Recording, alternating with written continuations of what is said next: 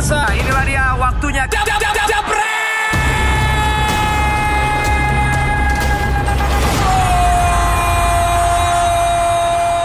Aduh, ini mukanya pada ditekuk semua nih. Enggak sih, kita udah menebak kemarin. Gue lagi happy. Gue lagi happy karena Belanda kemarin menang di injury time. Jadi pas menit 75 ketinggalan satu, gue bilang anjing bangsa, main di rumah lagi. 8511, injury time 4 menit. 92 21, 94 31. Yes, jadi timnas ya kita dia kalau coach Justin timnas Belanda. Kalau seneng ya. timnas untuk gue Belanda ya, mohon Iya. maaf. Lu boleh marah nggak apa-apa itu hak lu. Tapi kalau kita bicara timnas itu timnas Belanda, sorry ya. Benar. Jadi buat Jebreters coba sekarang ajak teman-temannya semua handai taulannya untuk nonton Dewan Pandit Indonesia karena kita sudah bersama duo Minder dan juga Bapak Panji yang siap. Lu panggil gue lagi, jangan gue tampol lu. Eh, gue bilang ya, untuk semua yang akun-akun panggil gue Jasmine, gue blok. Dan gue cari lu. Dan lu Awas lu dicari lu. Ini dua apa dicari. tadi? Ini dua apa? duo Minder, Minder, Jasmine. tidak, tidak, Minder. Untung ada Panji lu. Oh iya, benar, benar, benar. Oke, hasil pertandingan semalam nih di kualifikasi Piala Dunia. Kalau di zona Asia ya, Zona Asia. Ah, banyak yang menang besar sepertinya. Ini kita lihat. Pastinya. Cina 7-0, gue lihat ya. Oh. Iya, terus Cina 7-0, gue pernah lawan Guam futsal ya. 21-3. gue kira. gue jadi pelatih, serius. Oke, Jepang 6-0 lawan Mongolia, Vietnam 1-0 lawan Malaysia. Ya, yang Indonesia terbabat habis Iran tuh, Iran. Arab 5-0. Iran juga tuh 14. Iran ya? Loh, kalau kalau Iran 14, lawannya berarti. Kamboja emang lemah. Iya, lemah. Lawan kita pun juga menang. Betul. Tapi Myanmar loh, bisa 7-0. 7-0. Kacau Mi- ya. Myanmar kan bisa ngelawan Betul, lawan betul, kita. betul, iya, ya. betul. Jadi memang banyak eh, jebol menjebol yang kemarin Enggak, Bapak se- Panji. se- sebenarnya kalau kita lihat Myanmar 7-0, betapa rendahnya sepak bola ASEAN. ASEAN, ASEAN, ASEAN, ASEAN. ASEAN. Ini Ki- Kirgistan loh, Betul, betul, deh. betul. Orang suruh nunjuk Kirgistan di mana kagak ada yang tahu. Gue pun nggak tahu juga. Terutama Asia Tenggara ya levelnya masih Iya. jauh banget ya kalau dibandingkan sama ASEAN. ASEAN itu main cocok apa? Badminton. Juara dunia badminton. Jangan main bola. Oke, tapi kalau uh, Bung Binder sendiri melihat atau mungkin Coach Justin melihat uh, persepak bolaan di Asia Tenggara, Bung Binder dari kacamatanya seperti apa sih? Iya, kalau kita lihat persepak bolaan kan sekarang ini kan Thailand yang menjadi rajanya. Iya. Ya kan kita lihat Liga Thailand juga sangat profesional, ya kan banyak pemain-pemain berkualitas di sana, pemain asing. Kita katakan bahkan beberapa pemain kita juga bermain di sana. Memang mereka sangat maju mulai dari sistem eh, pembinaan usia muda yang mereka mulai lebih awal, ada kontinuitas di sana bagi mereka sehingga mereka itu lebih kepada technical base. Kalau saya melihat Thailand ini main, saya tidak melihat pemainnya ini bisa lelah sampai injury time, tapi mereka masih bisa bermain mengalirkan bola. Itu sesuatu Ya, yang ya, saya ya. kira sangat indah. Dan itu saya hanya melihat di tim ASEAN itu berada di Thailand dan berada di timnas Indonesia ketika Ketika ketika ditangani oleh Luis Mia. Sedikit mirip. Cuman bedanya memang belum sempurna ketika itu. Ya, kita akan lanjut lagi ngomongin uh, timnas Indonesia. Tapi kalau Coach Justin ngelihat sepak bola Asia Tenggara dari kacamata Coach Justin sebagai coach, gimana Coach? Gini ya, Asia Tenggara itu hebatnya satu. Kalau kita bicara dalam sepak bola, fansnya. Kencang ya, keras luar ya, biasa. luar biasa. Betul, Betul. Benar, fansnya Betul. itu luar biasa. Cuman kasihan. Tiap kali punya harapan tinggi PHP, PHP, PHP, PHP. Iya. Kenapa? Kembali ke federasinya. Bender tadi kasih contoh Thailand terbaik di ASEAN. Betul, Ya. ASEAN, ASEAN. Tapi di Asia nggak ada Nggak ada apa-apa Nggak juga. bisa, iya. Jadi ada something wrong. Ini orang pernah bilang pas gue bikin review soal timnas, ya kita harus mirip Thailand kayak Mirip Thailand, Thailand, iya, iya, kayak Thailand. betul, betul. Bentar, bentar. Banyak, gue iya. googling, gue lihat sehebat apa sih Thailand. Iya. Masuk empat besar Asia cuma saat sekali tahun 70-an. Habis itu lolos grup aja susah. Jadi ini baru level Asia. Jadi ah, Thailand pun nothing. Nothing. Ngerti nggak? Jadi kita harus lihat, harus mengaca bahwa sepak bola ASEAN ini dari sisi fisik rata-rata ya, kecuali pemain dari Indonesia Timur kan lebih kuat biasanya, Iya, iya. ya kan? Tapi rata-rata kan kita kalah. Kalau kita kalah dari sisi fisik, kita harus pinter lagi.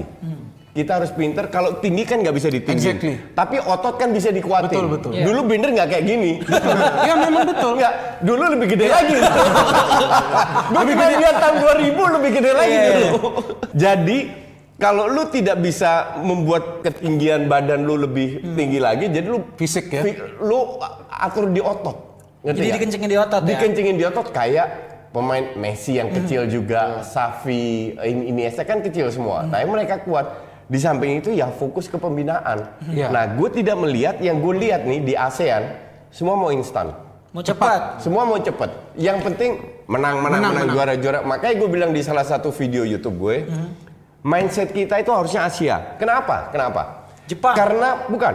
Karena jumlah pemain bola kita bukan jumlah penduduk. Jumlah Jumlah pemain. pemain bola kita itu lebih banyak daripada Vietnam, Thailand, Malaysia dan Yes. lain-lain. Ya. Artinya kolam pemain kita yang di mana kita bisa memilih itu lebih banyak. Betul. Jadi seharusnya kita mindset kita itu ke Asia. Walaupun kita keteteran, that's why gue nggak paham kenapa kita try outnya lawan Vanuatu, Iya, lah, iya. lawan apa Timor. Leste. Myanmar, Myanmar. Ma- Mariana Myanmar. Utara Iya, ya, iya. aja gue gue baru denger itu bah- bahwa Iya, iya. itu ada. Gua juga baru gitu. denger sih Vanuatu, Nah, Mariana. why ken- kenapa gitu loh? Mending lu lawan Kirgistan, Betul. lu dibantai Jordan. Jordan. Jordan, Jordannya oke Jordan, lah. ya. Jordan oke. Oke. Tapi at least kalau lu lawan tim selevel itu, Iya. lu kalah, lu bisa belajar. Yes. Karena ini pengalaman gue pribadi, lawan tim yang bagus kita belajar, lawan ASEAN kita bisa menang. Itu Tapi dia. kalau lu lawan tim-tim kroco-kroco, lu menang besar, fans happy bla bla bla. Ya, itu betul. Itu You yang, got nothing ya, gitu. itu yang juga saya eh, kadangkala juga bingung. Kenapa ini AFF ini diagung-agungkan Piala AFF? Mungkin Iya, karena memang betul, mungkin menurut saya karena kita belum pernah juara. Iya. Jadi kan mau nih juara di sana, tapi dengan juara di sana bukan berarti level kita meningkat. Piala kardus mungkin ini ya? Bukan, bukan. Winner ya? Piala kardus enggak. Ya, tetap piala ciki. Enggak, tetap, tetap Gila ada tetap Kerja ada keras pakai keringet loh, jangan pakai kardus tetap loh. ada nilainya apalagi untuk tim-tim seperti Myanmar Iya. ya mereka ingin sukses dengan Kamboja tapi seperti yang tadi Justin katakan Thailand ini juga kan mendominasi di mana di Piala AFF dia Iya. dominan tapi setelah itu dia mau jam ke mana dia nggak bisa jam ke ke sana juga tapi bagi kita kita kan mem- memiliki level sebetulnya pertama nih kuasa kuasai dulu nih ASEAN. Iya. Kapan nih kita bisa kuasain ASEAN? Lu lihat pas kita di U23 kalau nggak salah ya, juara, juara AFF. Iya. Wah, happy happy masuk TV bla bla bla bla bla. Sebulan kemudian ikut Gagal. ku- kualifikasi. Betul, betul. Nol. Karena Zero. euforianya terlalu besar dibikin di sini, media segala macam. Kurang rendah hati. Sama ekspektasi terlalu besar, pujiannya Ah. terlalu tinggi dan akhirnya membuat kita yang tadinya juga yang masih muda-muda hebat. U19, U23 ketika kena timnas senior Besar kelar kepala, semua besar itu. kepala Iya. jadinya. Iya. terlalu terlalu apa namanya terlalu besar kepala kita harus lebih rendah hati walaupun kita juara AFF we are still nothing kita belum berprestasi di level Asia kalau kita juara Asia we are still nothing. Kenapa? Karena kita belum pernah ikut Piala Dunia. Iya, kalau lu ikut Piala Terus, Dunia Kat. we are still nothing. Kenapa? Karena kita belum pernah juara dunia. Itulah yang gue belajar di Belanda Oke, lu di Belanda juara Belanda, lu siapa? Baru juara Belanda, belum juara Eropa. Lu udah juara Eropa, Belanda, lu ah. siapa? Baru juara Eropa. lu udah juara dunia, ini semua olahraga ya. Udah juara dunia lu bilang, lu baru sekali juara dunia. Nah, lu bukan Brasil ya. Ma- Maka dari itu enggak ini di semua cabang olahraga. Kalau lu lihat lu cek semua cabang olahraga, Belanda selalu ikutan di papan atas. Padahal penduduknya cuma 16 juta loh. Mau volley, mau hoki, pernah juara Olimpik, mau renang, mau apa semua mereka bisa ngikutin. Hongbal ju- juara du- dunia. Kenapa? Karena daya kompetisi dari kecil gitu. Sombong dikit dikeplak kepala lu. Lu bukan siapa-siapa, ngerti, Iya. ngerti nggak? Iya. Jadi nah ini yang gue gue tidak melihat di Indonesia ini. Dikit-dikit juara RT RW dapat piala segede gajah. Padahal cuma RT RW, ngerti nggak? Iya, iya. Ya, makanya gue juga kemarin eh, sebenarnya applause banget buat si applause buat si Bima Sakti yang kemarin di timnas mudanya dia berhasil lolos ke Piala Asia dan putaran final apa Piala Asia itu aja dia dengan eh, walaupun dia lolos dia bilang anak-anaknya untuk tetap stay low dan Iya, juga betul. hilangin dulu ketika mereka lagi apa Cetak eh, gol. enggak, enggak, enggak, lagi TC Iya. eh, cetak gol juga nggak boleh selebrasi berlebihan Benar. lagi TC pun no sosmed, no eh, no handphone, jadi benar-benar fokus karena apa media ini benar-benar bisa membuat orang-orang ini mentalnya rusak. Dan ini yang selama ini kita lihat bahkan mulut-mulut netizen yang dulunya ngatain Bima Sakti guru penjaskes, sekarang muji-muji dia kayak dewa. Bima Sakti calon pelatih timnas nantinya. Padahal dia pernah kemarin caretaker, dibully abis-abisan jadi penjas, guru penjas katanya. Sekarang dia sukses untuk tim muda, diangkat-angkat lagi katanya the next apa buat ca- calon pelatih timnas senior. Artinya memang ini em, harus dilihat dari kita media itu emang jahat. Iya. Tapi timnas kita maupun main-main muda kita harus dijaga. Jangan dari muda ini udah mulai sukses banjir pujian, banjir sponsor, banjir kontrak, banjir bonus. Terus pas timnas senior selalu loyo. Ini yang selalu jadi masalah. Jadi jangan bangga ketika lu juara U19, juara U23. Level umur ya? Di timnas senior sekarang gini deh. Luis Mia itu kan Luis Mia itu udah berhasil menurunkan lumayan fondasi bagus untuk main U23. Ya. Tapi ketika dia mento apa ketika dia men- apa mentas ke senior artinya kan harus ngeblending sama pemain-pemain senior yang ada yang juga main reguler di liganya kan. Nah, liga kita aja sekarang berantakan dan ketika apa Luis Mia dihadapan sama timnas senior yang harus di ngeblend sama pemain-pemain senior itu ujung-ujungnya dia juga belum punya waktu untuk bisa ngeramu. Jadi menurut gua balik lagi ke Simon McManamy terlepas dari sekarang juga nggak ada progres yang kelihatan signifikan ya waktunya untuk Simon McManamy juga nggak ada untuk untuk Ya. apa untuk ber, em, beruji coba karena uji coba juga lawan tim katro ibaratnya kayak gitu Bentar, bentar. Gue mau apa? bahas dulu ya. Ini kuku Agus Wan bilang, coach kenapa nggak lolos calon? Woi, coach ini pro?" mana? Enggak, gue jelaskan dulu. Lu harus nonton IG gue, sudah gue beri kla- klarifikasi. Karena lu tanya, gue jelaskan. Gue itu dicalonkan dan, dan gue tidak pernah submit berkas. Jadi memang dari awal gue tidak mau. Jadi beda. Gue tidak lolos karena gue memang tidak mau, bukan dicoret. Oke paham? Itu beda. Coba ya eh, diperhatiin banget nih klarifikasi dari eh, Coach Justin tidak untuk eh, dicalonkan ya. Lo dicalonkan coach Iya. ya. Ya udah berarti kita makin sorry makin panas ngomongin soal timnas yang paling deket adalah yang semalam nih 5-0 lawan Uni Emirat Arab kalah ya. Iya. Banyak orang yang mengkambing hitamkan tanda kutip Wawan berbagai blunder lah. Gini. Dan netizen bilang kiper eh, pilihan netizen. netizen karena Andri Tani kemarin jelek kan sempat Iya. di sempat di apa bombardir di media massa juga di netizen juga katanya Andri Tani harus diganti ternyata dikasih Wawan Wawannya juga itu Wawannya masih demam panggung Mar, sepertinya. Dari tiga expert ini, yang paling nggak ngerti sepak bola Indonesia itu gue. Ya. Oke? Fair kan? Oke. Enggak lah gue lah, kan gue bukan expert. Nggak gue. lu, lu lebih ngerti, gue nggak ngerti. Kemarin Tadi gue penjelasan lu kan bagus. Gue dengerin tadi. Kemarin gue nonton, 90 menit full gue nonton, sampai gue tanya ke grup gue, Hanif itu posisinya di mana? Sebelahnya siapa? Yang di kiri siapa? Andik atau Dendi? Jadi gue gue tulis line up karena gue udah janji gue mau bikin review. Review. Ya, jadi gue ada line up ternyata mereka main 4-4-2. Ya. Karena in this case kan gue netral. Betul. Ya. Gue tampang Wawan aja baru lihat tadi. Iya, lo nggak pernah nggak pernah lihat dia di Bali lihat, ya? Bali. ma- main di mana? Oh, Ba- Bali United. Bali United rank 1 harusnya bagus, oke? Gue bilang, correct me if I'm wrong ya. Ya. Ini pendapat gue pribadi subjektif. 20-30 menit pertama kita main bagus. Lumayan. Exactly. Dari sisi Exactly. dari sisi pertahanan. Betul, betul. Main sangat rapet, koordinasi bagus. Sulfiandi sama Hanif sangat menguasai lini tengah. Arab nggak dapat nyaris nggak dapat peluang. Dua kali shot kalau kalau kalau nggak salah. Dari Oke. luar juga. Ya oke. Cuman yang jadi masalah sepak bola ini kan nggak bertahan doang. Itu yang baru saya mau Yap. ini. Pada saat dia menyerang, hanya kalau gue ngelihat ya. Bahdim ke mana ber free roll. Ya, ya. Beto di sana. Nah, lu udah bermain dengan dua pemain orang, oke? Ini kita bicara menyerang ya. Pada saat bola dari sayap, mereka juga melebar. Jadi mau passing ke mana? Satu. Kedua, pada saat mereka agak ke depan, tengahnya nggak ada yang ikut.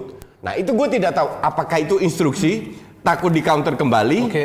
atau pemain memang tidak mau ambil inisiatif. Untuk maju. Ya, untuk maju. Itu bisa dua-duanya. Itu gue nggak mau ngejudge. Tapi dua orang ini ujungnya hilang bola karena salah passing atau karena terlalu dijaga ketat. Ya. Gue tidak mau menyalahkan siapa-siapa. Oke? Itu di babak pertama. Babak kedua. Cuman yang cuman pas babak kedua kan 1-0. Ya. Sebelum gol itu terjadi, Wawan sudah bikin blunder. Betul yang nggak? hampir Ya. Iya. uh, kebobolan tuh ya. Tapi untung nggak kebobolan. Nggak masuk. Dan ini pemain kelihatan pucet banget loh kiper ini.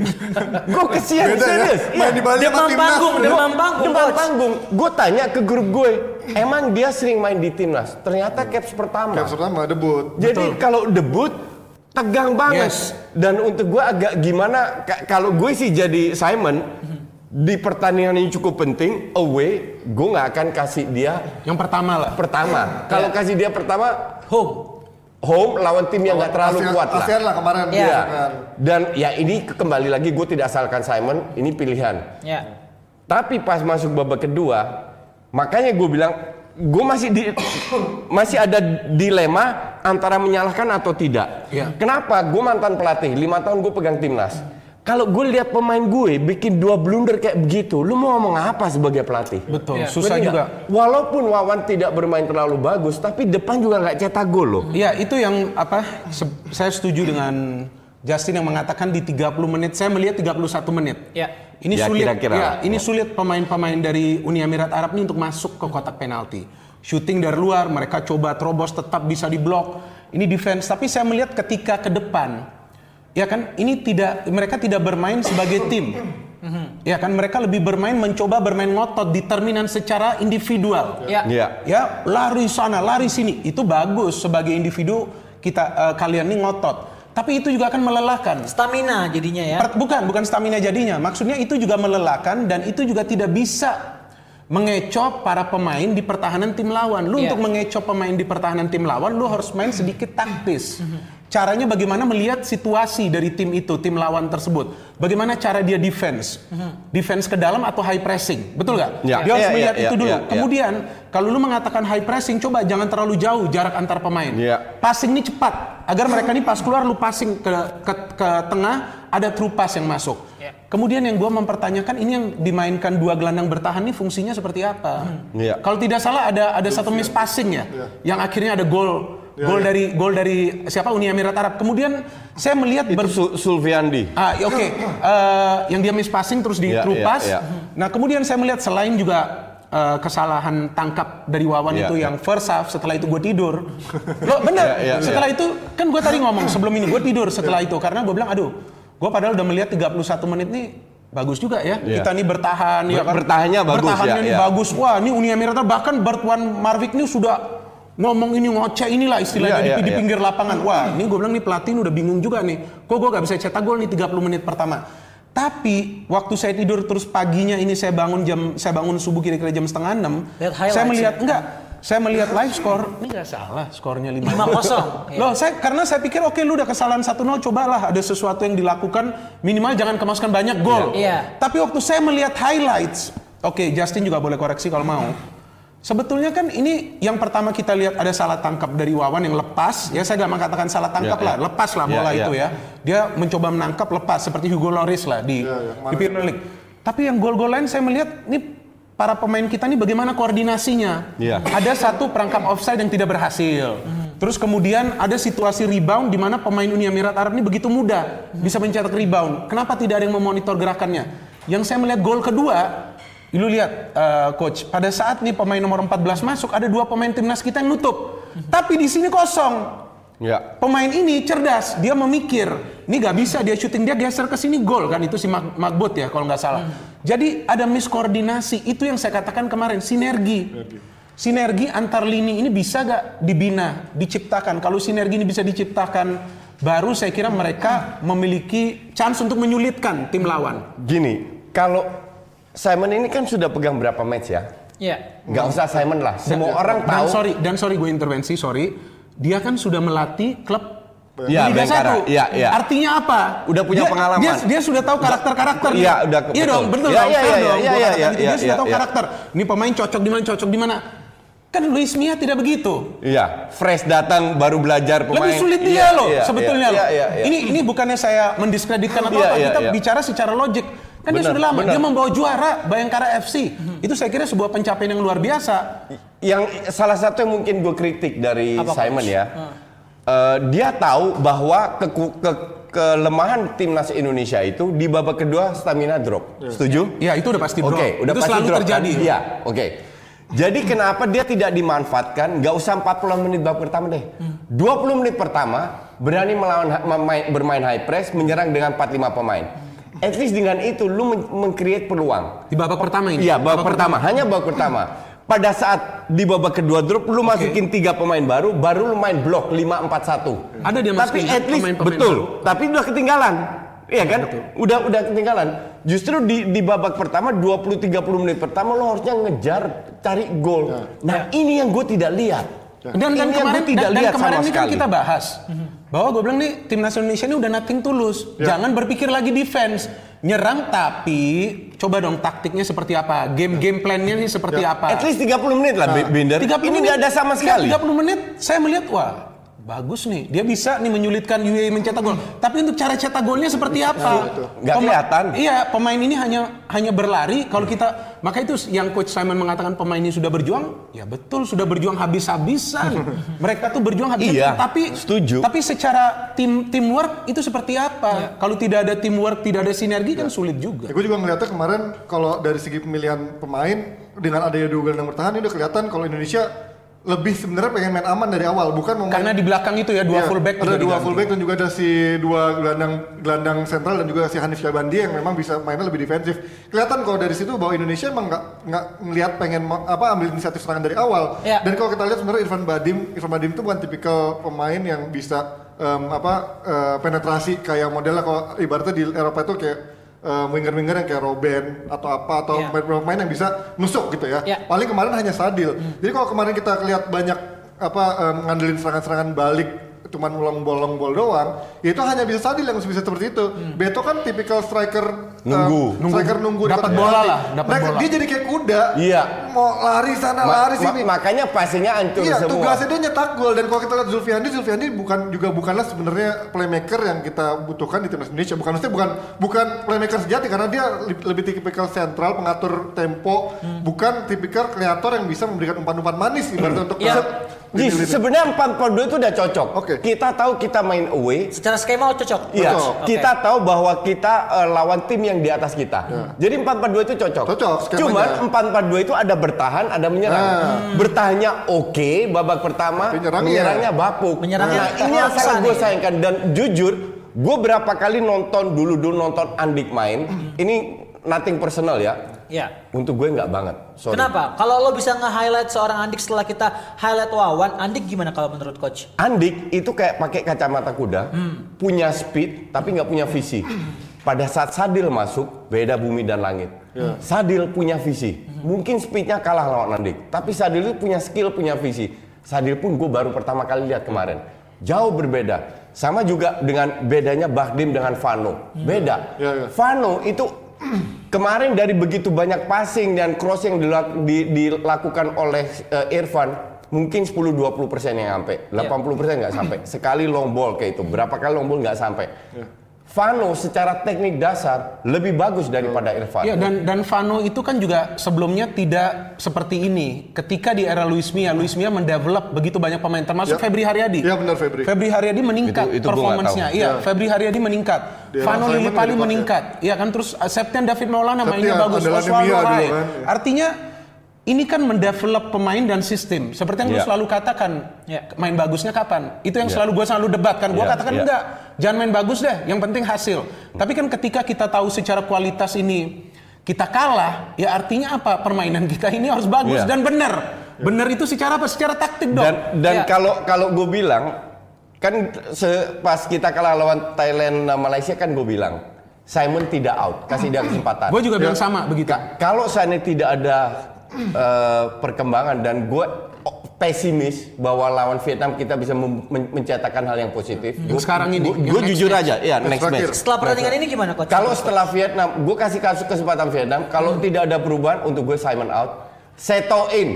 Seto. Seto PSS Sleman itu baru pertama kali gue lihat pelatih yang bermain sesuai dengan kapasitas kita. Dengan begitu jarangnya gue nonton Liga 1, Iya. Seto itu paling cocok ng- ngelatih timnas. Jadi coach Gak usah Justin- pelatih luar. Iya. Kasih di- Seto kesempatan. Mendukung Seto untuk menjadi eh, pelatih timnas. Tapi Iya. emang sekenal apa coach Justin sama Seto? Sekali ngeliat Nggak kenal. langsung jatuh cinta sekali ngeliat. Gua- Langsung falling in nggak- love ya, falling in love. Tampannya gue nggak tahu, umurnya gue kalau- tahu. kalau- tapi gue nonton Sleman tapi ya. bagus. Bukan, kalau gue Sleman. kan sering siaran Liga 1. Iya, iya. Ya kan? Ya, bener lebih Setiap expert lah kali kalau gue siaran, setiap kali gue siaran PSS Sleman, gue akan katakan ini tim yang memang patut diwaspadai dari tim-tim promosi. iya. Dari awal gue udah ngomong, kenapa? Pertama, cara bermain mereka. Cara bermain mereka ini kolektif dan simpel. Iya. Kolektif dan simpel apa? Tidak membuat para pemain ini bingung. Sehingga pemain-pemain asing yang juga baru mereka kontrak, ini gue mengatakan pemain asing, itu bisa langsung menjadi pemain yang apa penting, pemain yang langsung menjadi pemain pilar. Bahkan tim ini juga bisa eksis Ya. di papan tengah, bahkan saya kira bisa saja nanti di papan atas. Ini semua kenapa? Pelatih. Ya kan saya selalu katakan Menjadi kunci pelatih selalu. Bukan kita kan pernah debat di sini. Gue bilang enggak pelatih nih Harus bagus kan lu bilang iya pelatih harus main bagus. Sebetulnya bukan hanya harus main bagus, bagaimana dia bisa mendevelop juga pemain Mengerti itu sesuai pemain. karakter Iya. permainan dia. Pemain. Ta- tapi juga kapasitas pemain sesuai Oh dengan itu itu permainan. maksud Itu gua yang iya sesuai dengan karakter ya oke kapasitas. iya. Jadi dia ini Karena tidak kita nggak punya pemain iya, hebat. Jadi ya kan kalah kualitas anggap aja kita katakan. Iya. Tapi kan dia harus bermain sesuai kapasitas dia, sesuai dengan konsep seperti apa sebetulnya Luis Mia ini kan juga sebetulnya menurut saya memaksakan juga. Dia mencoba merubah nih. Kita rubah deh. Nggak mau main long ball nih. Kita nggak mau main nih bola direct. It takes time. Tapi perhatikan progresnya. Itu juga sebetulnya terjadi di PSS Sleman. Progresnya ini signifikan. Betul. Progres lo, kita lihat progres. Iya, bukan menang kalah, Bukan tapi menang kalah. progres. Iya, Walaupun betul, dalam betul. hasil draw, mereka juga bisa bermain benar. Benar itu apa? Secara taktik. Itu dia. Dan kalau ngomongin soal Seto nih Bung Bindar, kira-kira siapa sih dia yang memang ini kayak diagu-anggukan banget? Nggak diagungkan sih enggak. Ini kan ada Bu- ini bukan Ini, mengagumkan. ini baru DPI yang mengangkat. Maksudnya baru DPI yang mengangkat Iya, dia. ka- karena gue nggak kenal, gue nggak tahu dia umur berapa sih? masih muda lah. Oh masih muda, mantan pemain, Mantan pemain juga. Ti- timnas juga. Sleman, Sleman. Oh Sleman. Iya, Sleman juga. Mantan Kalau pemain salah PSIM juga, yang sudah salah. tahu budayanya, masih muda dan berani. It's not about winning or losing. Tapi kalau dia bisa mempertahankan sistem bermain seperti ini, next year dia akan bisa mempersulit semua tim yang ada di Liga Ya, dan 1. ini kan kita bicara soal wacana. Bisa Iya. juga terjadi, bisa juga tidak. Ini kan ada pemikiran pemikiran dari coach kalau tim dipertahankan Iya, itu gue. itu maksudnya. Ini Ta- kan ada ada wacana kalau lu mengatakan lebih baik pelatih lokal ya, gue juga setuju 100% pelatih lokal, ya kan? Kenapa gue mengatakan pelatih lokal? Karena pelatih lokal ini juga bisa membuat sebuah sistem permainan di mana pemain ini harus mengerti dan ada ketegasan di sana. Sebetulnya lu yang mengatakan penting pelatih Ya, lokal yang tegas. Iya itu itu yang tegas. Sebenarnya dia mengatakan Seto. Kalau gua sebelumnya pernah mengatakan siapa Fahri Husaini. Ya, Fahri. Ya bukan soal dia sudah ada track record dengan tim junior, bukan. Dia juga pemain yang tegas ketika itu menjadi kapten. Galak. Dia juga dia juga memperkuat timnas Indonesia Iya, timnas membawa dulu. prestasi kalau tidak salah SEA Games ya. Nah, udah itu. Cara dia menghandle pemain-pemain muda ini luar biasa dengan apa? Dengan komunikasi. Komunikasi itu penting loh bagi sebuah pelatih Iya, untuk membuat betul. pemain ini Nah. percaya diri. Komunikasi itu bukan lu marah-marahin. Iya betul. Lo mengerti pemain? Bukan. Apa? Komunikasi itu lu membuat pemain itu paham. Bagaimana Nah. pentingnya itu lu bermain sesuai spirit, sesuai taktik. Mhm. Taktik itu yang bisa melumpuhkan lawan. Waktu gue masih ngelatih, gue jelaskan sebuah skema. Pasti ada yang nggak paham, oke? Gue ajak diskusi. Di mana yang lu tidak Riba paham? ini, satu- Iya. satu- satu Sa- per satu. ya. Di mana lu tidak paham? Dia bilang, oh gue nggak paham begini. Gue jelaskan sampai dia paham. Kenapa? Bahwa dia penting paham. Padahal gue bisa juga. Gue nggak perlu ngejelaskan, lu jalanin Iya, aja. males udah bisa, capek iya. jalaninnya. Itu Tapi itu artinya itu artinya males. tidak pernah gue lakukan. Iya. Kenapa? Karena pada saat pemain yakin, setuju, dia akan menjalankan lebih maksimal. Percaya diri Ya, juga. Ngerti nggak? Dan itu penting. Gue sangat setuju bahwa komunikasi itu penting. Ketegasan. Tanpa ngejilat, tanpa apa. Kalau perlu lu hajar, tapi kalau bagus lu angkat. Ngerti Dan dan seperti seperti sebetulnya eh, coach Fahri Husaini ini kan juga bisa membentuk tim muda yang kompetitif. Ya kan, di mana tim ini tidak hanya mengandalkan power and speed, tapi lihat dong technical ability dari para pemain ini. Ya. Itu 19, itu bagaimana dia bisa sekarang 19 ciptakan? Ini pemain-pemain muda loh, bukan pemain yang sudah matang. Gua- Itu kan dengan cara dia mengajarkan cara bermain yang benar nih seperti apa, lu mancing tim lawan nih seperti apa, komunikasinya bagus, ya kan? Dan dia adalah pemain yang memang juga eh, ketika bermain juga Galak. dihormati oleh pemain-pemain lain. Gue tidak bisa ngebahas soal itu karena gue nggak nggak pernah lihat dia. Tapi terlepas dari itu gue juga ngelihat kalau misalkan sekarang ya mau nggak mau gue setuju sama Binder dan Justin kalau Simon McManaman ini memang harus kasih kesempatan lagi ya. Sementara karena, ini. Karena emang targetnya kan bukan kualifikasi Bukan, Piala Dunia. bukan kan? Piala Asia juga. Bukan Piala Asia juga. Artinya AFF. Ini emang masih ajang excuse dia untuk Permainan, Iya, iya, ajang excuse dia untuk mencari pemain-pemain yang memang cocok buat strateginya dia. Makanya kemarin kan dia benar-benar frontal narik pemain, buang pemain. Pergantian. Gantiannya cukup banyak kan. Banyak. Cukup apa eh, kelihatan signifikan banget. Artinya ini buat excuse dia masih masuk akal. Tapi kemarin PSSI sempat bilang, gue sempat baca eh, Ratusha bilang kalau setelah dari kualifikasi Piala Dunia ini akan dievaluasi total karena dia bukan menilai dari performa tapi menilai dari eh bukan menilai dari Hasil. progres tapi menilai dari performa. Ini yang gue lihat antara PSSI sendiri sama target sendiri nggak sejalan karena dia bilang dia nggak ngasih target ini dari awal tapi dia sekarang bilang kalau dia ngasih dari performa. Lalu ngasih pelatih asing em, dua dua kualifikasi kayak gini, tapi lu ngasih em, target yang menurut gua muluk-muluk gitu loh. Hmm. Dan dia pelatih asing gitu. Kalau emang lu dari segi harga juga keberatan, targetnya Iya. juga pendek, ngapain jadi pelatih asing gitu loh? Yang pelatih lokal aja sekalian Pelatih ya. lokal kan juga banyak. Emang siapa pemain pelatih asing? Pelatih asing kan Simon Academy. Emang masih asing deh. Ya mas, eh dulunya kan Ah, asing. kan lu udah gak asing lagi. Lu udah pernah bawa Bayangkara juara. ya iya, tapi kan dia pelatih Enggak, ini asing. gue pengen klarifikasi ya. Apa? Gara-gara Justin ngomong itu barusan, gua di WhatsApp Sama siapa, Bang? beberapa pengurus, Ah. kok DPI jadi mengarahkan pelatih itu out dan mencalonkan salah satu pelatih. Gue mau klarifikasi dulu. Oke. Justin tidak ada settingan apa-apa, gue juga kaget tiba-tiba dia sebut nama Seto. Karena kalau dia udah ngomong ada gue di sini juga, ini bisa jadi isu nasional. Viral.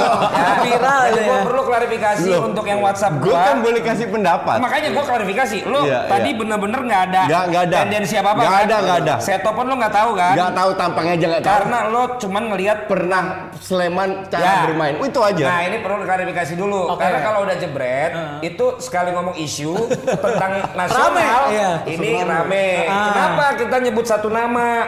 Gitu loh ya. Jadi itu mau gue klarifikasi dulu. Jadi gue kasih tau dulu. Oke, oke. Seto itu juga pernah dulu, di pemain. timnas. Oke. Iya, satu Ya 99 sampai 2001. Oke, gua dengerin Mainnya di Sleman, PSIM, Pelita Solo, kemudian balik lagi ke Sleman, Jogja, Bantul, Jogja. Pokoknya jauh nggak jauh-jauh dari Ya, Jawa. daerah Yogyakarta ya. Jawa Tengah, Jawa Dan dia sekarang udah pelatih AFC Pro Oke. untuk megang Sleman dan kalau ngomongin tentang lebih tahu Seto pasti lebih tahu ja, Binder Iya. karena dia Iya, sering betul. bawain PS Sleman. Iya. Sementara Justin memang Sering bermain sering bawain. Oh, sering bawain. Sementara Justin memang ngelihat dari penampilan kemarin Iya. ya. Jadi itu gua harus masuk untuk ngomong itu sebentar. Klarifikasi dulu Jangan ya. sampai DPI disangka sedang melakukan gerakan untuk Enggak, enggak, enggak. membuat plat apa inilah Menggulingkan. itulah pokoknya ya. Jadi Enggak, itu enggak, ini kan Ma- makanya gue bilang tadi, Iya. gue tidak bisa sebut nama kayak Fahri Husain. Iya, nggak apa-apa. Karena gue Gua- nggak tahu, gue iya, apa-apa. lihat. Gue hanya ngomong apa yang gue lihat. Benar. Gitu Enggak lagi pula ini kan discussion. benar benar nggak apa-apa supaya kan Discussion. enak. Iya, ini discussion. Lu tau gua raja viral kan? Iyalah, udah gitu bareng dia. yang yang nggak terima katanya udah ada yang bilang dia nggak terima Apa? karena dia masuk ke dalam salah satu exco yang tidak boleh dan tidak boleh banding. Padahal dia kagak mau kan? Namanya isu. Oke. Oke, Orang- orang sekilas tetap info ya ya. dari Bapak Rados Valen. Oke, gimana sih eh, buat timnas jadi kuat tuh seperti apa parameternya? Mungkin dari Bung Binder atau Coach dulu. Simple. Gue belajar dari Einstein. Einstein bilang kalau lu menjelas tidak bisa menjelaskan ke anak umur 12, lu nggak paham apa yang lu. Oke? Simple.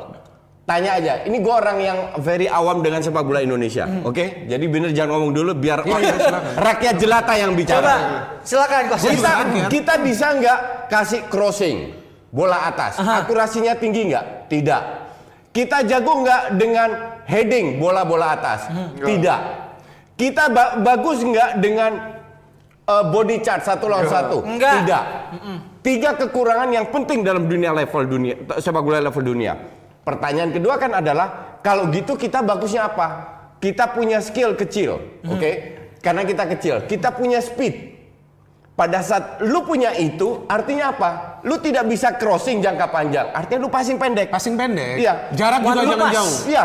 Lu punya speed. Artinya jarak antar pemain lebih dekat. Lu punya kalau lu punya speed, apa yang dimanfaatkan sayap? Artinya lu tarik lawan, lawan masuk, lu create space, Iya. di situ lu kasih long ball sekali-sekali biar speednya bisa masuk. Ngerti nggak? Jadi berdasarkan itu aja lu sudah bisa membuat Gue kalau ngelatih dulu, it's very simple. Setengah jam pertama, oke lu main dua kali sentuh, that's it. Udah. Nggak ada strategi nothing. Dan itu pemain tangtung, tangtung, tangtung, tangtung. Udah berjalan, ngerti nggak? Coba lu sekali-sekali di sepak bola lakukan dua kali sentuh. Itu dan bisa. harus cepet. Dan itu mau tidak mau karena mereka tidak boleh dribbling, mak- mau mau betul. titi- Mak- di- dipaksa untuk passing, ngerti Enggak, nggak? maka itu yang kemarin pas kita ada diskusi, kan gue ditanya soal peluang. Gue kemarin ngomong gue sebenarnya tidak ingin bicara soal peluang, gue ingin bicara soal harapan. Iya. Harapan agar permainan ini membaik. Permainan itu keren ini. Buset, aus banget coach. Ya, Itu matter. keren ini. maksudnya Ini kan properti coach. Nah, ntar lagi nah ya. Enggak, jadi yang gue harapin ini ada perbaikan dalam sistem bermain. Iya. Karena kan yang kita melihat ini jika sistem bermain ini tidak benar, saya tidak mengatakan indah. Hmm. Bermain indah itu sulit, ya kan dan akan makan waktu. Bermain benar apa secara taktik? Rencana permainannya ini seperti apa? Ya kan itu dulu kita fokus benahin dan saya tidak mengatakan soal pemain mana, pemain ini, pemain itu. It doesn't matter, betul, Saya, saya betul, mengatakan. betul, betul. Kema- kemarin kan ada diskusi, Setuju. oh ini ada pemain baru. Saya bilang pemain baru ini bisa bikin apa? Kalau rencana permainan ini tidak pas bagi mereka juga untuk memahami. Kalau rencana permainan ini sudah bagus, cara bermainnya ini sudah benar, yang memang juga tidak akan langsung tidak akan langsung kan ini kan Pasti, pelatihnya kan pasti. baru lagi Pa- pasti bu- jadi, butuh jadi waktu. saya pernah juga sama Valen itu hari kita rekaman saya ditanya Simon stay atau menurut saya untuk saat ini dia harus stay siapa Iya, lagi iya, iya. yang mau diganti dia sudah masuk ini tengah Ka- jalan kasih kesempatan lah, kasih ya iya. coba dia benahin cara Betul. dengan cara bermainan benar ada tactical yang yang lebih jelas lagi. Nah tentu ketika itu baru kita melihat ada progres atau tidak ya kan? Setelah ada progres nah ada evaluasi. Kan ini kan kita lihat bukan hanya pelatih kan? Kalau timnas itu kan ada asisten ada direktur teknik. Ya. betul nggak? Direktur Ya. teknik kan juga ada. Ini kan bisa berembuk untuk Ya. bagaimana caranya nih bisa eh, ada improvement. Improvement itu perbaikan kan dalam cara bermain. Oke. secara taktik lah ya Ah, ntar dulu ya, Ya, ya, Bang ya, sebentar, ya, nanya ya, dulu oke. sama Coach Justin ada yang nanya nih. Ya. Ini yang nanya Ivan Hasri, Coach mau nanya dong, kenapa Indonesia tuh timnasnya nelangsa banget, bobrok banget, padahal rakyat Indonesia itu banyak banget yang suka bola. Kompetisinya atau sistemnya yang perlu diterapkan, Coach yang di In- Indonesia. Siapa namanya? Ivan. Ivan, coba kamu cek akun YouTube saya yang episode 1 sudah saya jelaskan dari A sampai Z. Ini banyak faktor. Gue jelaskan cep- cepet satu menit. Bergantian ketua PSSI nggak berubah, bergantian Ya. pengurus nggak berubah, ya, bergantian pelatih nggak berubah. Artinya ada yang salah. Yang salah di mana adalah pembinaan. Pembinaan itu dari A sampai Z harus bermain dari Sabang sampai Merauke setiap minggu harus bermain. Ya. Dan itu semua sudah gue gue tatarkan di video gue. Itu bisa tidak butuh duit banyak. Nah untuk bisa melakukan itu, yang penting apa? Niat. Nah, gue itu. tidak lihat. Iya, iya, oke. Itu. Jangan niat mencari duit. Iya. Apa- niat, niat, niat sama maksud apa bedanya? Gue juga gak tahu niat dan maksud. Oh, Bukan, niat punya niat baik positif untuk merubah ini. Iya. Digabung dengan power, dengan ke- kekuasaan dan kemampuan itu pasti bisa. Tapi kalau lu terapkan hari ini, 15 tahun baru kerasa. Mau nggak mereka begitu? Masih lama. Prosesnya lama ya. Sama kayak kita mau bi- bikin hotel lantai 30, yang lu harus ba- bangun pertama Fondasi. apa? Yang lu harus ba- bangun Fondasi. fondasi kan? Lu bisa Dalamnya. bangun hotel 30 kan bukan fondasi untuk rumah. Betul. Ya. Untuk Pondasi hotel yang beda. untuk hotel. Pada saat lu bangun pondasi, lu udah tiga bulan. Kelihatan nggak? Belum. Nggak kelihatan. Karena Belum. pondasi di bawah nggak kelihatan apa-apa. Pada saat Masih pondasi tiga bulan sudah jadi, tetap nggak kelihatan, baru lu bangun hotelnya. In no time sampai ke lantai 30. Sepak bola ini sama, bukan top down tapi bottom up. Ya dan menurut saya sekarang kan kita harus melihat ke depannya sih seperti apa. Satu menit Ya lebih kan? Kalau kalau kalau kalau kalau kita berbicara contoh kan banyak contoh pelatih-pelatih yang sebelumnya bagi timnas. Sekarang kan kita juga harus melihat ke depan dan saya kira kan pressure ini sekarang kan datang kan bukan dari real world. Iya. Bukan dari dunia nyata, tapi dari virtual world juga. Iya. Ini Netizen luar biasa Itu, di virtual sosmed ya. Netizen Tuhan. Iya, ini Netizen Tuhan sekarang. Nah ini virtual world. Ini sangat membahayakan jika bisa mempengaruhi. Iya. Menurut saya loh. Bisa mengaruhi psikologis juga Iya kan? itu itu itu jangan sampai ini mempengaruhi psikologis. Artinya pelatih ini diberikan waktu konsep kemudian siapa yang mengevaluasi yang mengevaluasi ini kan yang bagian federasi ada direktur teknik ya kan mereka Iya, kan, iya, iya, mereka kan iya. bisa mengevaluasi ini seperti apa ke depannya kita jalan karena kalau kita langsung menghakimi dia bagaimana bisa kerja dengan tenang Betul, juga iya. ya kan Iya. dia harus bekerja dengan tenang Iya. agar dia menggunakan akalnya Ja- ini fresh bagaimana dia bisa memperbaiki Dan yang lucu kan pada saat ini udah bertahun-tahun flashback ya. Setiap kali timnas kalah eh, Nurdin Halid out. Edi out. Iya, Kalau nggak pelatih ini out, ini Bingung out, juga. itu out, Semuanya itu out out, ya. semua Semuanya out. out. Dan 15 tahun kagak pernah juara-juara. Betul, betul. Mau out out bergantian ganti ketua, ganti pengurus nggak ada pernah juara. Jadi kalau lu rada pinter dikit aja nggak usah banyak, dikit aja. ya. Lu harus berpikir kan ada Dan- something wrong. Dan ironisnya ada kan sesuatu kita yang lihat salah. juga waktu Gimana, zamannya? Indra Syafri misalkan waktu terkenal dulu Junior. ngangkat U19 masuk Valen yang komentator juara itu dia harus belusukan ke daerah-daerah. Ini kan berarti Iya. Bentuk bahwa Indonesia sebenarnya kayak apa? Banyak, punya banyak potensi. potensi. Tapi nggak ada Iya. infrastruktur. Tapi nggak ada infrastrukturnya. Nggak ada Infrastrukturnya nggak ada ada, pembinaan dari infrastruktur bawahnya. Nggak ada wadahnya, nggak ada mediumnya, nggak ada channelnya. Iya. Kalau kita lihat bandingin misalkan kalau dulu gua sering nonton film atau komik-komik kan udah ada. dan sepak bola Jepang ya. 12 Itu anak-anak SMA aja U19 udah di scouting. Cuma ada turnamennya. Dari bahkan anak-anak SMA, SMA SMP itu udah bisa dibentuk kayak bayangan timnas Ah. yang untuk disiapkan untuk ke jenjang-jenjang selanjutnya. Kalau kita Hmm. turnamen junior mana? Baru ada berapa tahun belakangan sih? Turnamen top score, turnamen apa? Dan turnamen itu apa. bukan PSSI. Dan itu bukan PSSI kan? Iya. Yang, yang akhirnya sekarang dia kuat ya, kayak dirangkul lah sebenarnya kan.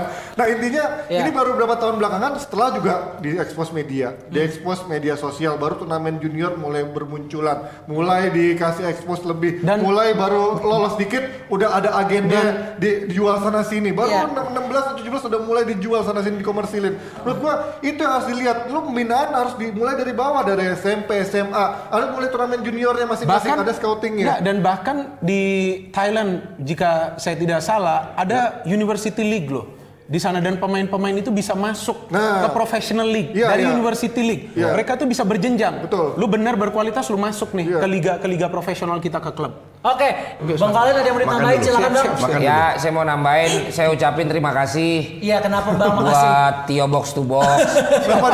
Saya baru dapat kabar di, di di episode terbaru yang bilang curhatan fans MU Iya. untuk yang pada nanya Coach Justin, Ya. katanya Coach Justin lagi nggak mau siaran di sini seminggu, dengerin aja, nonton aja Coach Justin di DPI katanya. Jadi makasih Oh, buat gitu. Tio, makasih buat Box to Box, Oh, gitu. malah Nggak, udah nggak, udah nyaranin. Gue gue luruskan soal box to box. Iya, Jadi box to box itu siarannya biasanya sore. Heeh. Sering nggak bisa, sering bentrokan, susah untuk bertiga, ngerti nggak? Nah kalau gue sekali-sekali bisa, oke. Pagi yang sering nggak bisa. Bagian di sini juga gitu. Udah janji sama gua. Jadi to box itu gue termasuk yang bikin dari awal Iya. dan gue tidak akan meninggalkan box box. Hei, iya dong, jangan, jangan, jangan, jangan. Kita CS ya. Kita ini kolaborasi. Iya, kita nggak suka kompetisi. Kita sukanya kolaborasi Iya. dengan berkompetisi. Iya, jadi kita masih nunggu Bang Edi sini apa gimana? Ah nggak udah. Pakai out, pakai out. Gak usah gue doang cukup. Cukup, cukup. udah. Oke, oke, oke, Oke, itu aja. Terus sama tadi Coach Justin Ah. nggak konsisten ya. Kenapa? Dia bilang dia tidak selamanya mendiskreditkan PSSI. Heeh. Jelas itu alasan dia tidak mau dipilih oleh Exco karena dia nggak percaya sama orang-orang PSSI. Nah, sekarang. gimana bukan, Coach? bukan. Gimana Coach? Gimana Coach? Itu alasan menurut Valen. dia tidak pernah mengungkapkan alasan gue. Tapi semua orang bebas berpikir. Iya, dia nggak pernah, betul. Ka- karena gue bilang kalau kita ingin membantu sepak bola itu bisa dari banyak sudut. Iya. Biarlah gue di luar dulu. Lu di luar Biarlah- apa? Lu kan dirtek. Di luar PSSI. FFV bukan PSSI. Parah, bukan. PSSI. FFV sendiri. Jadi biarkanlah gue di luar dan semua kritik yang gue lakukan kalau bagus gue dukung kok. Gue dukung P- PSSI tidak semuanya jelek Ya. seperti yang dikatakan netizen. Kalau bagus kita dukung, kita harus apresiasi. Tapi yang jelek-jelek ini tidak kita hujat, Ya. kita beri masukan agar ke depannya Nah, kita berubah. kita hujat juga apa yang apa, yang kita dapat apa yang kita dapat. Yang kita inginkan kan sepak bola Indonesia maju. Itu- itu yang saya- timnas Ya, maju. itu- iya. Masuk ke level Asia bukan ASEAN. Gue nggak mau Betul. bicara soal ASEAN. Entah itu sepak bola atau futsal. Untuk gue ASEAN itu bukan level kita. Iya, dan- level kita Asia. Ya itu yang tadi gua katakan juga soal soal virtual world. Artinya dari virtual world ini kan juga pressure nih sangat intens. Nah ini juga kalau pressure ini intens dan mengerikan ya orang mau bekerja juga susah khususnya pelatih. Itu dia. Ya kan bagaimana dia mau bekerja dengan tenang kalau memang setiap kekalahan ini dianggap sebagai pelatih yang harus keluar ya pelatih siapa pun gue kira berat juga di sini. Luis Mia pun kalau tidak salah dikritik juga ketika di awal-awal Oh, iya. dia punya Pasti. ini dikatakan nih nggak bisa nggak Dua bisa tahun membentuk dua tahun Luis Mia di sini kan kalau nggak salah. Iya. Bener nggak? Dua tahun. Nggak juara apa-apa juga. kan? SEA Games dan Asian Games kan. Tapi secara Iya, permainan tapi bagus nggak juara juga. orang-orang ya. Oke, memang harus diteruskan. Cuman gue kan nggak tahu kenapa nggak nggak Nggak tahu. diteruskan karena nggak ada dana whatever lah. Ya. Pokoknya intinya ya bermain sesuai dengan kapasitas pemain kita. Iya, itu dia. Dan kalau nggak ada duit buat pelatih luar, Pelatih luar. ambillah Seto. Balik lagi Bang. Super Elja. Luar biasa ya. Lu Malam tau hari Super ini. Elja nggak? Enggak. Itu julukan PSS PS Sleman. Sleman. Gue PSS PS Sleman gue cuma tahu dua. Apa? Satu Seto sekarang, Ah. satu Christian Adelmun. Udah itu udah yang gue tahu. Adelmun udah gak main lagi. Udah nggak Nggak, main, udah tapi nggak masuk main. Lo kan juga kenal sama. Viola. Enggak, ini Udah nggak juga kan? Iya tapi kan kenal. kenal, kenal, Viola kenal. Ya Udah. Jadi kita tetap optimis atau kita berharap aja Apa? ini PS Indonesia timnas? PSSI. Iya hasil atau ha- berharap aja. Kalau Kan Binder kan bilang nggak ngomong hasil, kalau hasil gue juga tidak ada harapan dan I don't care hasilnya berapa. Oke. Yang gue mau lihat lawan Vietnam adalah bermain sesuai kapasitas dan punya nyali untuk menyerang. Oke. Jadi dari serang bertahan itu udah harus porsinya jelas, transisi jelas, transisi dari menyerang bertahan, transisi dari bertahan ke menyerang. Itu semua harus jelas. Pada saat itu terjadi dan kita kalah, gue akan dukung timnas. Nah, kalau gua kalau gua kan Bang Winder, Nggak, kalau gua kan seperti kemarin gua katakan, gua juga ingin mengulangi lagi bahwa harapan gua juga bukan pada peluang atau hasil. Tapi bagaimana ini bisa bermain benar. Kalau kita mengatakan bermain benar harus taktik. Iya, Taktikal. Karena taktik itu yang bisa melumpuhkan tim lawan. Iya. Contoh seperti Spanyol, mereka kan dikritik terus, waduh ini pemain-pemain postur tubuhnya gak tinggi, gak Iya, apa. iya, iya. Dia bisa kalahkan Jerman loh. Iya, iya, iya. Belanda juga dia kalahin. Ju- juara dunia Belanda dia. dia kalahin nggak? Iya. Iya dong, lu akuin dong. ya itu, ya itu pelatihnya Belanda yang kemarin main sama Bert kita. Nah, dari Panji, Ya kalau gue sih lebih ngelihat kemarin itu sekarang kan udah ngomongin hasil lawan Vietnam coba nikmatin sepak bola. alright. Akhir kata Martel, Panji, Bang Valen, Coach Justin dan juga Thank you. Bung Binder pamit. Kita ketemu lagi di hari Senin pastinya Senin. masih ya. Untuk Di- ngomongin MU. Aduh, MU lagi Senin, bukan, ya. book me. Gue hadir kalau ngomong MU. Baik pemirsa, inilah dia.